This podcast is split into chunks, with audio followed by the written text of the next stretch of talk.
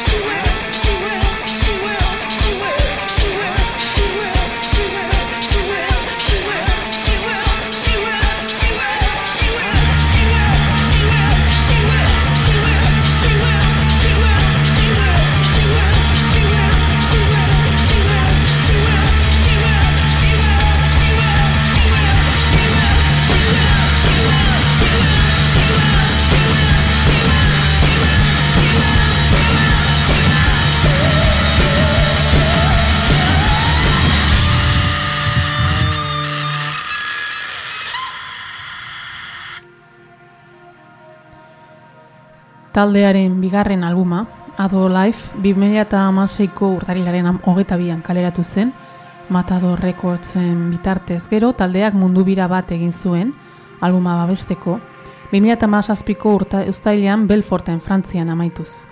Taldea ez da aritu elkarrekin eta ez du material berririk atera ordutik eta kide bakoitzak beste proiektu batzuk ditu. Ardatz, hortaz esan dezakegu, em, zabitxiz taldeak hortxe amaitu zuela, bibilbidea. Rock talde mitiko horietako elementu guztiak, sabitxizen dauden arren, bat bera ere ez da pentsatuko zenukeen moduan. Gitarra amaigabeak eta estadiotarako egindako koruak bakarrik edukitzetik urrun, gitarra angelu arren abestiak, gelditzen ez diren erritmoak eta jeni bezen ahotzen doa sortzean konzentratzen da taldea. Gaur egun talde berezinetako bat bihurtzen dituena. Askok Sixien de Banshees bezalako post-punk taldeekin alderatu dituzte, baino ez dago haien musikarako prestatu zaitzakeen ezer. Etenik ez zuen bira zirudien horretan egon ondoren, taldeak Ado Live bere bigarren diskoa grabatu zuen, gaur egungo talde handienetako bat izatera eramango dituen abesti bilduma. Silence Yourselfek bere soinu klaustrofobikoa baino frenetikoa ezarri zuen bitartean, Ado Lifek soinu hori erabat baztertu gabe desafiatzen duen adierazpen artistiko batek bultzatzen du. Rifak astunagoak dira, hausnarketa uneak introspektiboagoak eta letrak indarrandiagoz adierazten dira, argitasun unerik handienera iristen direnean. Maitasun historioa kontatzen ditu gizarte protesta giza, estandar batzuen fabrikazioa zalantzan jartzen du eta zentzurik gabeko eriotzaren aurka oiukatzen du orain kristonu gehiago dituzte beren hitzaldia etengabeko elkarrizketa bihurtzeko lan honetan, zalantzari gabe liga nagusietan sartzeko. Taldekideen hitzetan, haien lehen diskoa zuzenean e, zirenean baino dokumentu bat izan zen, eta diskoa grabatu zutenean oso simple mantendu nahi izan zuten grabazioari dagokionez, zuzeneko kutsu hori. Ador Lifeen lanean hasi zirenean biran aritu ziren bi urtez, hilabete hartu zuten eta elkarrekin konposatzera itzuli.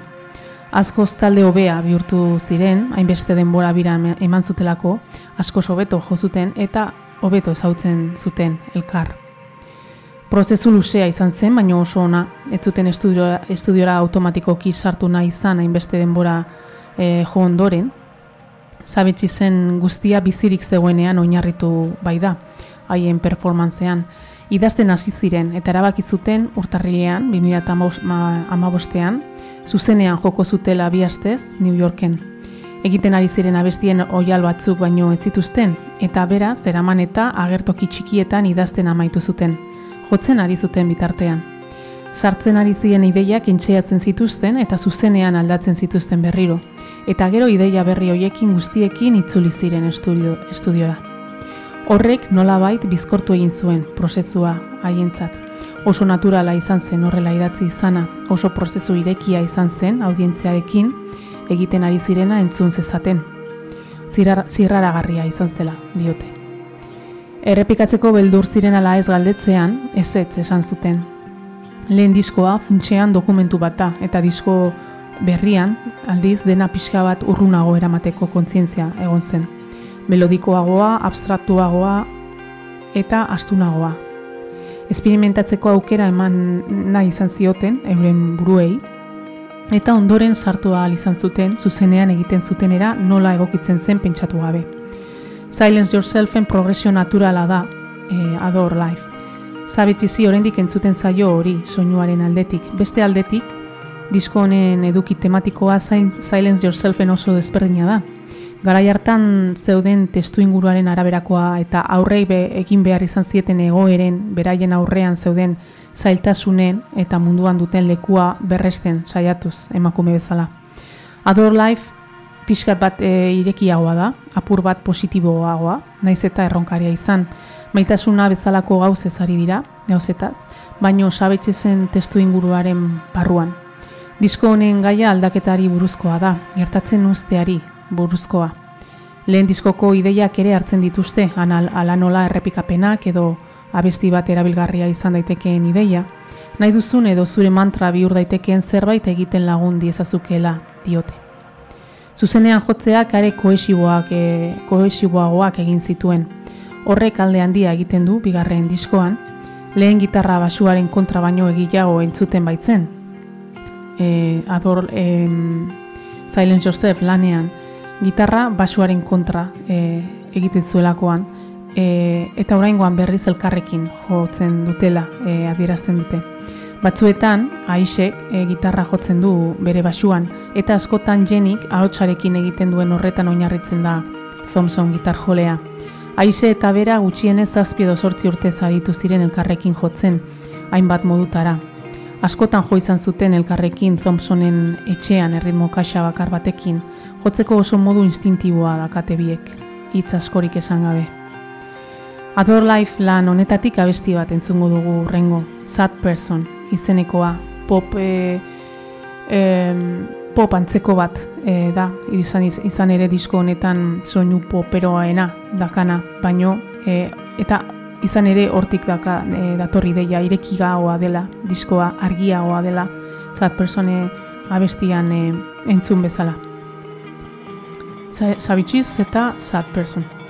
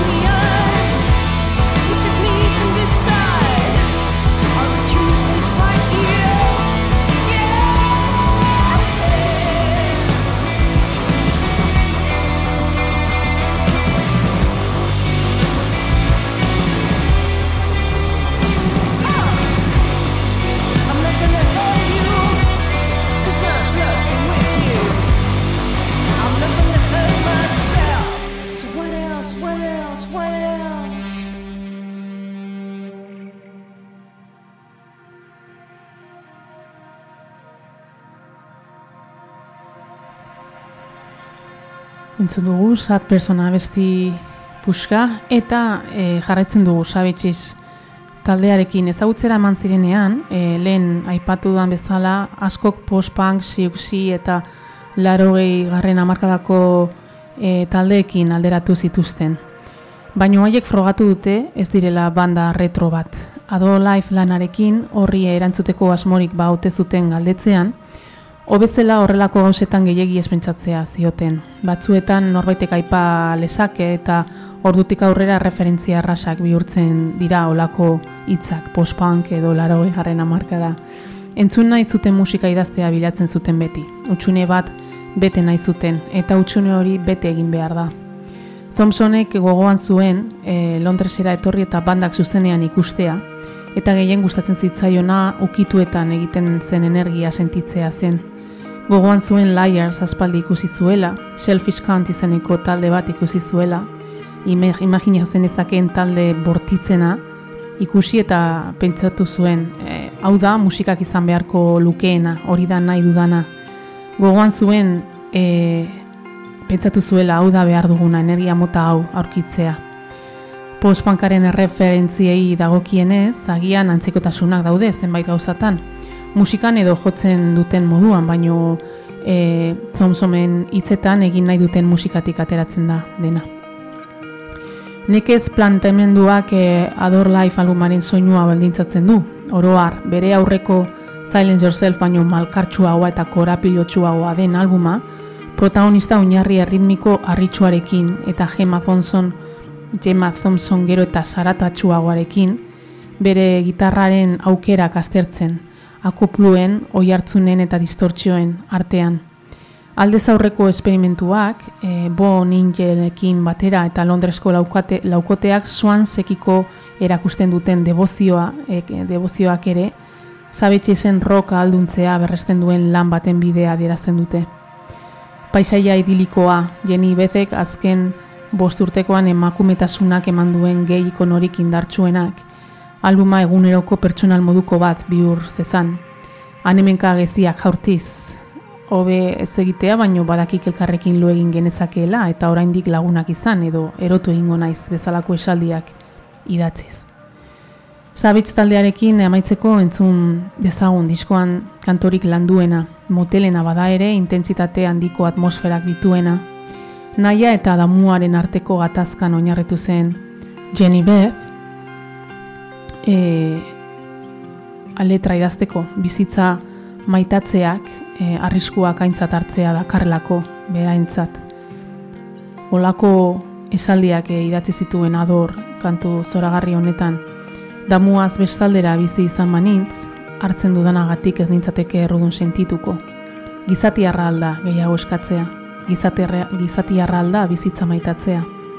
Gaitza ikusi eta bere ala entzematen dut. Ondo dakit eta ez nukeen egingo, hain goxe izan ez banintz gizatiarra alda bizitza maitatzea. Bizitzaren premia ulertzen dut, distantzian bada labanak moduan mozten duen egia. Agian hilko naiz, bi agian, beraz, esan beharra daukat, bizitza maite dut. Entzun dezagun, sabitxiztaldearen azken abestia, ador, eta jarraian, Marika Hagmanekin hasiko gara, Cinnamon, bere lehen epeetako abesti bat, entzungo dugu.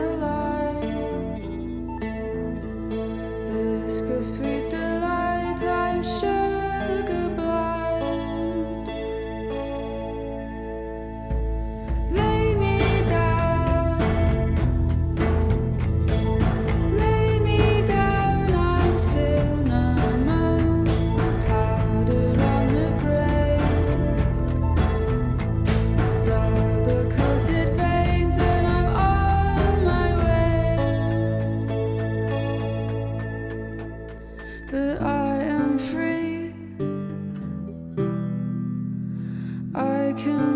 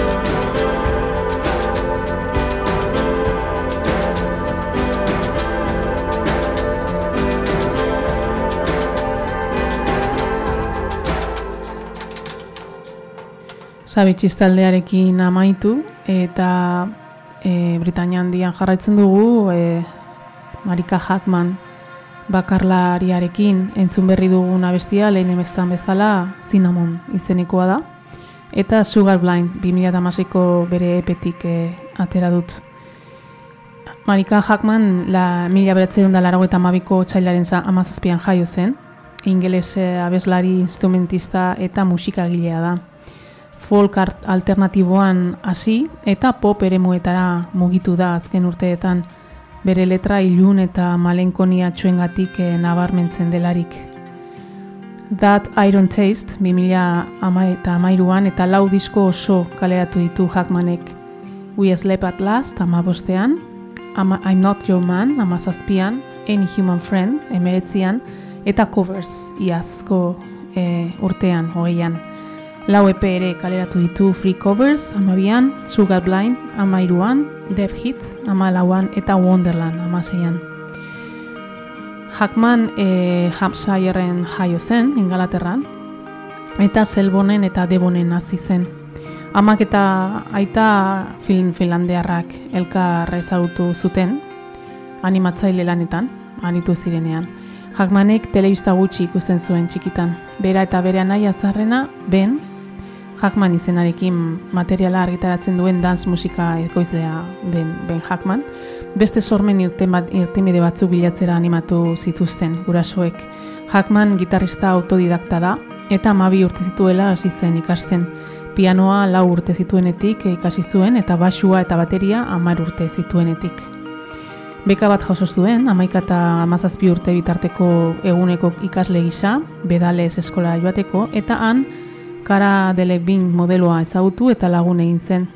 Eta batera The Clementines izeneko iraupen laburreko talde bat sortu zuten, Hackmanekin bateria jotzen eta Delekbin gitarra jotzen eta abesten. Amazortzi urterekin Brightonera ingalaterra joan zen bizitzera, non arte fundazioa ikasi zuen urtebetez eta arte ederretan lizentziatura bat lortzeko asmoa bazuen ere, geroago denbora osoko musikan eh, aritzea erabaki zuen. Sabitxiz taldearen moduan, Manika Hackman ikono garrantzitsua oso garrantzitsua da Britania handiko LGTBI komunitatean.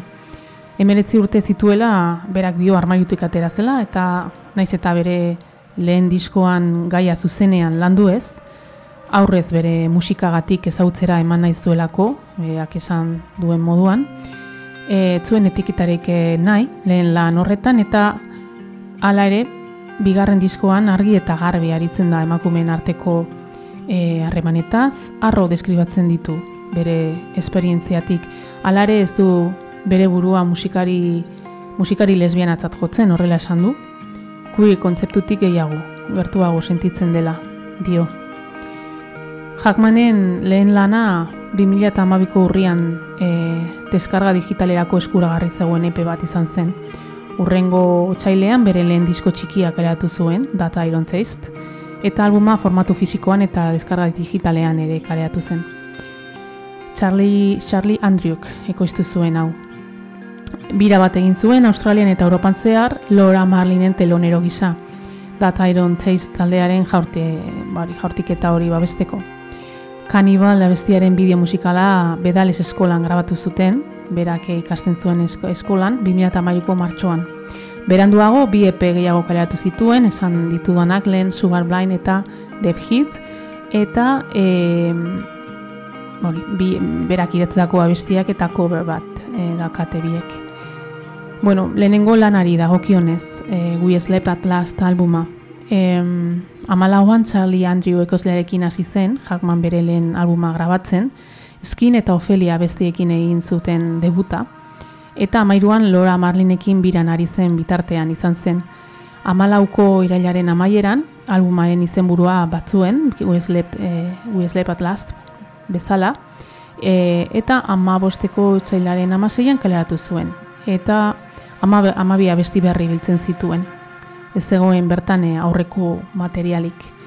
Elektrofolk bezala gutxi ezagutzen den arren, Hackmanen musikaren kalitatek ezkagarriak ezberdin egiten du, eta e, lan hau, We Slept at, at Last. Animalien itzales eta irudiz beteta, baso sorginduetan zehar egindako bidaiak edo bere adimeneko arrakala ilunenak bezalakoak dira bere abestiak. Clothes Girl, bereziki kezkagarria, itzali nire burua mesedez, deabruaren ezurrak bezalako burrumba egiten du.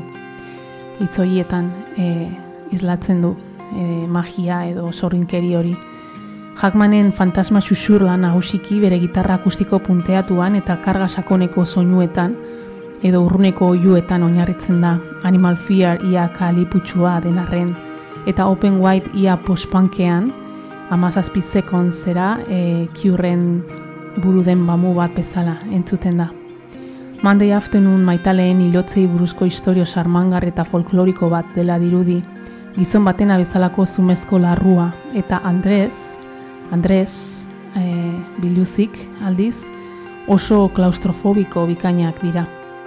Debut sotil eta diskretu bat e, izan bazen ere, bere, bere denbora hartzen zuena, e, kolpeak lurreratu zituen. Entzun dezagun e, disko horretatik nire gogokoena, Before I Sleep, izeneko edertasun lirikoa.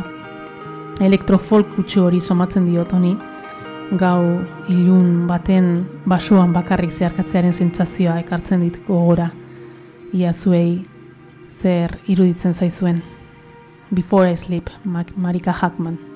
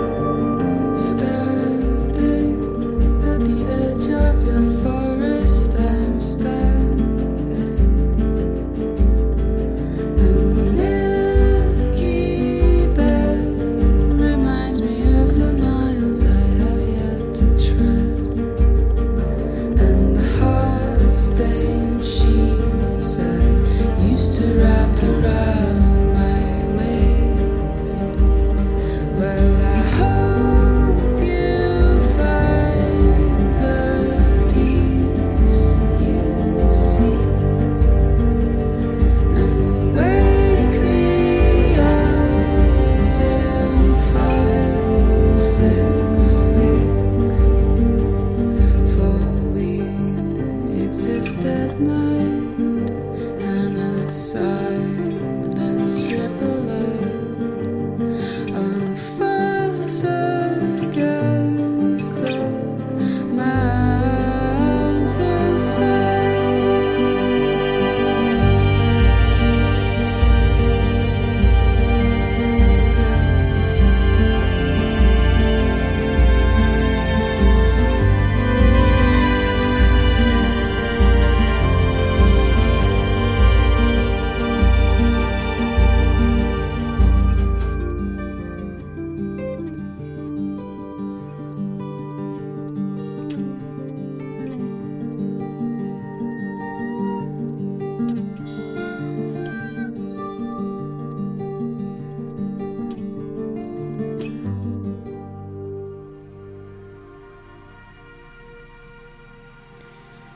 Marika Hackmanen bigarren lanarekin goaz, I'm Not Your Man 2017ko ekainaren bian kaleratu zuen, ezu popekin sinatu zuen, bere bigarren lan hau, eta boyfriend izan zen e, albumeko lehen zingela.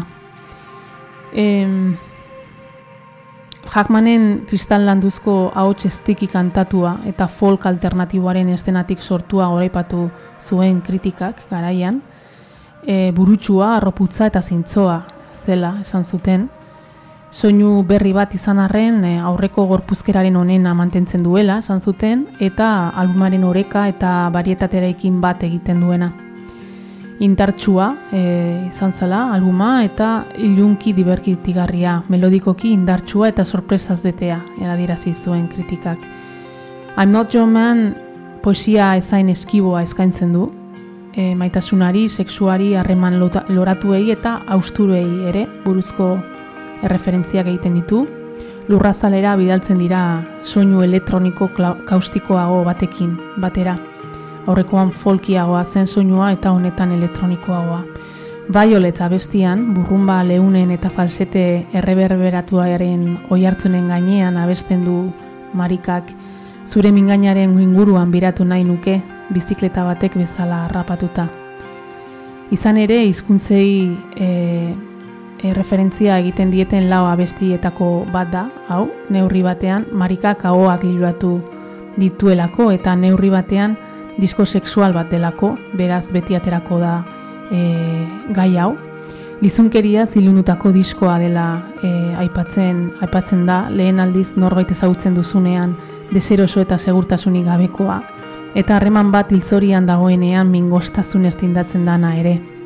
Zigarret e, abestian, berak hain argi transmititzen du azkeneko hau, no norren erdian harrapatu zaituztela sentitzen duzun, Berak esaten du asko gustatzen zait estena bat egiten dugunean. Zeri buruz hitz egin behar dut, e, izorratu eta oiu egin beharrean, agian lotara joan gintezke, dio abestiak. Debik Moon taldeak Hackman laguntzen du, I'm not your man zekelarekin, eta Charlie Andrew ekozleak bost emakumeren soinua orekatu zuen gela batean, joz, diskoaren mehatxu sentsazioa islatzen duten xehetasunekin. Zaratatxua edo irakina izan, gitarraren tonuek zorra dute larogei garren amarkadako iutxu eta gruntz soinuarekin, baina eskala estadiokoa baino klaustrofobikoagoa da, oraingoan. Melodikoki indartsua eta sorpresaz betea, azken urtetako indie rock album Britaniar gehienei buruz esan daitekena baino gehiago dela, adierazi zuten garaian. E, erregistro horietako gehienek ez dute amu hiltzailerik, jakmanek asko baititu. Boyfriend abestia dago, eta bertan neskak horro egiten du, ondo dago neskatu bat besterik naiz eta mutilari iseka egiten dio, eta bere frustrazioak aizatzen ditu harreman lesbikoak nolabait txikiagoak direlako pertsepzioarekin. Times been reckless, blur taldearen lehen simpleetako bat bezala sentitzen da, eta ondoren Big Moonen kantak Hackmanen ostazun emozionalaren aurka aurrez aurre jartzen dituen abezbatza zaratatxu batean apurtzen da. My Lover Cindy e, antzekoa da, non azentu nagia Hackmanen irudia hultzen duen. Elkarren ganako lotura onuragarriaz eta maitale magmuekiko joeraz. Musika koruaren itzaltzen da, bere hautsa agertokiaren erdian utziz. Zeren txerri gutiziatua bai naiz, zerri bat betetzera noa. Nire begiak saria mantentzera noa eta zupatuko zaitut. Abesten du, saloa eta zitala joz, Espainiak miazkatzen dituen bitartean, hitz bakoitzean piruetak eginez. Entzun dezagun, disko honetatik Gina's World, gruntz soinuaren eragina argia duena, Kurt Cobain eta Nirvana ekartzen ditu gogora Hackmanen soinuari egokituak. Ondoren, I'd rather be with them zoragarria dator, gitarra akustikoa eta bibolinen laguntzaz, marikaren ahotsak lastan baten moduan ozen susurlatuko digu urrengoa. Zure begi gaziak, espaina partxuak, zure hortzak tolesturik klaska egiten dute nolabait, lehioan bermatuta zaudela, seinalatuko dituzu eta joaten utziko diezu. Esaten duzu begiratu jendeari, arrastaka, intsektuak bezala, espaloi guztietatik. Nik berriz, nahiago dut haiekin egon, gela hau borrotu dudalako, zure usaina dauka. Gina's World eta gero I'd rather, be with, I'd rather be with them, Marika Hackman.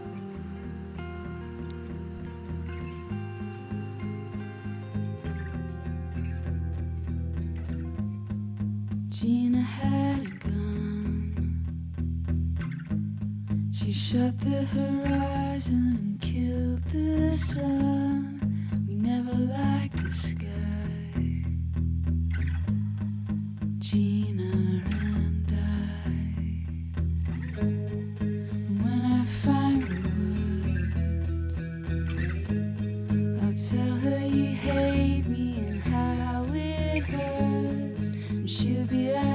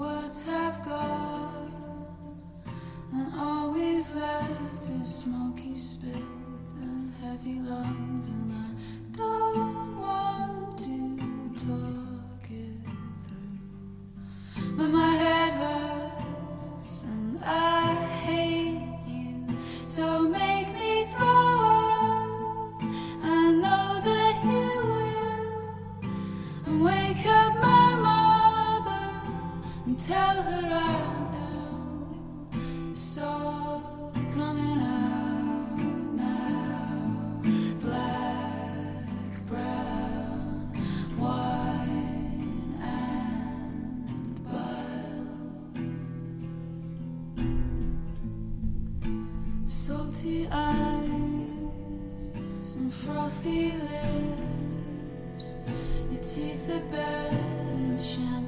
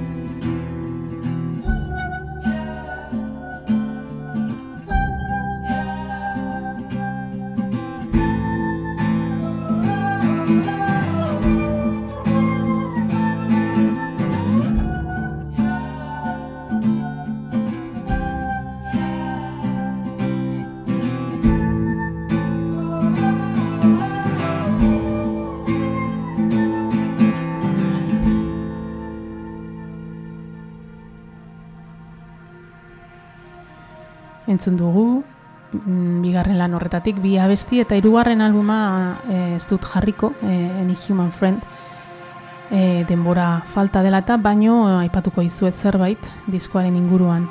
Emeritziko apililan argitatu zen, eta albuma Hackmanek eta David Rentzek ekoizti zuten, eta sintetizadore esanguratsuak ditu lan honek.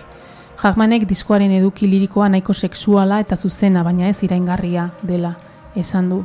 Sexualitateari buruz modu bateratzaile eta sexian idatzi nahi nuen, dio, gaia objektibatzen duten letra sexualekin alderatuta. Alumeko bigarren singela, The One, 2008ko ekainaren amairuan kaleratu zen, Hackmanek ziurrenik idatzi dudan abestirik poperoena dela, e, esan zuen. Diskoari buruzko hainbat gauza esan ziren garaian, ala nola autoflexioaren eta automespretsuaren artean bir, birbolotea kantu loriatxuetan zela. Pop disko berezi izugarrik akazu eta noizbenka goilpeltzat jo izan dute ere. Bizirik egotea, gaztea izatea eta guztiaz tentuz maitemindua egotea zer esan nahi duen kontatzen duen une lasaioiei buruzkoa. Hackman ere arekin behatuz. Hotz hotxean txundituta, lotxatia edo hitz gutxirekin izateko interesik ez duela, esan zuten ere. Energia sexual ilunekoa, ilunekoa. Sendo eta ausarta deitu zitzaion albumari, non Hackmanen ahots beatifikoa, metodo, metodikoki desordenatuta dauden tresnetan oinarritzen den. Eta maitzera goaz, e, Marika Hackmanekin laugarren diskoari buruz itzeingo dizuet, Covers, iazko e, 2008an e, egin zuen, bertsio bilduma da, hau. Eta Hackmanen itxialdean gertatu zen COVID-19 pandemiaren garaian, garai gauden garai honetan, Beyoncé, The Shins eta Elliot Smithen abestiak barne, beste batzuen artean, 2008ko azaroaren amairuan kaleatu zen, eta diskoa intimoa eta asmatzailea dela esan du kritikak berriaren emozioarekin erlasatzeko moduko saretasuna adierazten duena. Hackmanek melodia ezagunen eta freskoago samarren arteko marra gurutzetzen duela, eta emaitzak bikainak izan direla. Zalantzari gabe e, ustekabeko iraulketa izan zen, iazko urtea, itxialdiko hilabete luzeek une zailak ekarri zizkigun, zizkiguten, baino baita geure burua aztertzeko eta nolabait saiatzeko aukera ere, geure bizitzei zentzu berriak emateko. Eta Marika Hackmanek behin betiko denbora berrogei aldian ematen e, jakin zuen. Nostalgian bildurik, soinu esperimentazioari beste begira bat eman zion eta musika sorkuntzako lehen urtea gogoratzeaz baliatu zen, hain zuzen ere gutxien espero zen lekuan, gurasoen etxean. Instrumentista eta kompositore ingeles asko beste artista batzuen sorkuntzetan murgilduko da, oraingoan, ibilbide bat bere obsesio musikalen aldetik, bere buruarekin topo egiteko. Covers bere laugarren albuma disko autoekoiztua eta erabat intimoa da, anistasunarekin eta emakumeen presentzia indartsuarekin batera doana. Ukitu malenkonia txu, ilun eta ederki bare bati esker bateratuko, bateratutako diskoa da. Radiohead, Sharon Manhattan, Beyoncé e, eta bestelakoak biltzen dituena. eta David Branch karismatikoak, DX taldeko ekoizleak e, nahaztua izan da. Eta amaitzeko entzungo dugun abestia covers diskotik Pink Light izango da. Muna taldearen bertsioa egin du Marika Jackmanek e, eta aukeratu dut ba iruditu zaidalako DXXen soinu hori hemen islatzen dela, e, hori iruditzen zait. Eta horrekin e, agurtzen zaituzte eta hause izan da guztia, horkoz, e, emakume musikaria hoen indarrak, LGTBI komunitatean duen eragina dirazteko helburuz e, e, aurkeztu ditut, eta bueno, ja, ulertuko, agian ulertu egin da, ez, nola ereduak eta ikono indartsu hauek beharrezkoak diren, beti egon dira, izan ere, musikan, artean, e, komunitatearen e, e, e, adibide hauek, edo e, errepresentazio hauek, eta eta hauek e, Sabitxiz eta eta Marika Hackman e, Britanian dian e, ben, izugarrizko indarra izan dute. Horregatik e, ekarri ditut. Ona geroz eta gehiago dira emakume musikariako holtza gainean eta zenatokietan eta e, grabazio estudietan eta eta hietako e, asko gehienak esango nuke LGTBI komunitatearen e, kideak dira eta eta adibide eta eredu e, miragarriak jarraitzeko eta eta egunetik egunera inspiratzen gaituztenak. Eta bueno, ba, hauen bitartez egin nahi nien nola baiteko e, ba, adierazpen edo miresmen horren e, e, adierazpen hori.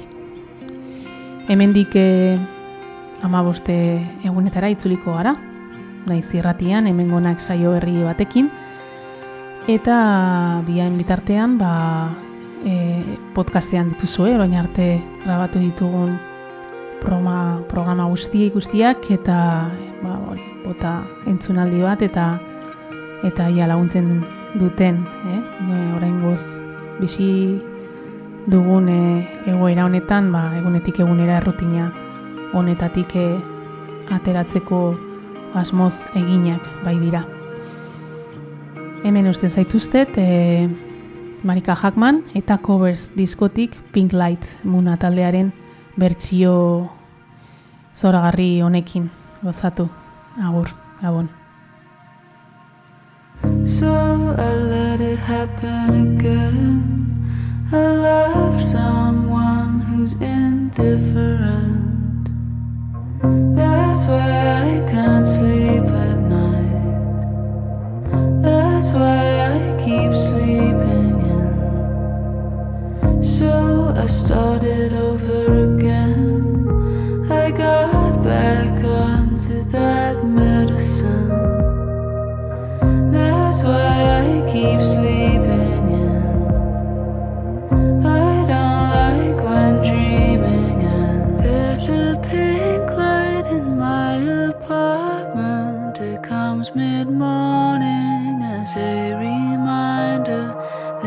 the right time and the right surroundings, I will be lovely.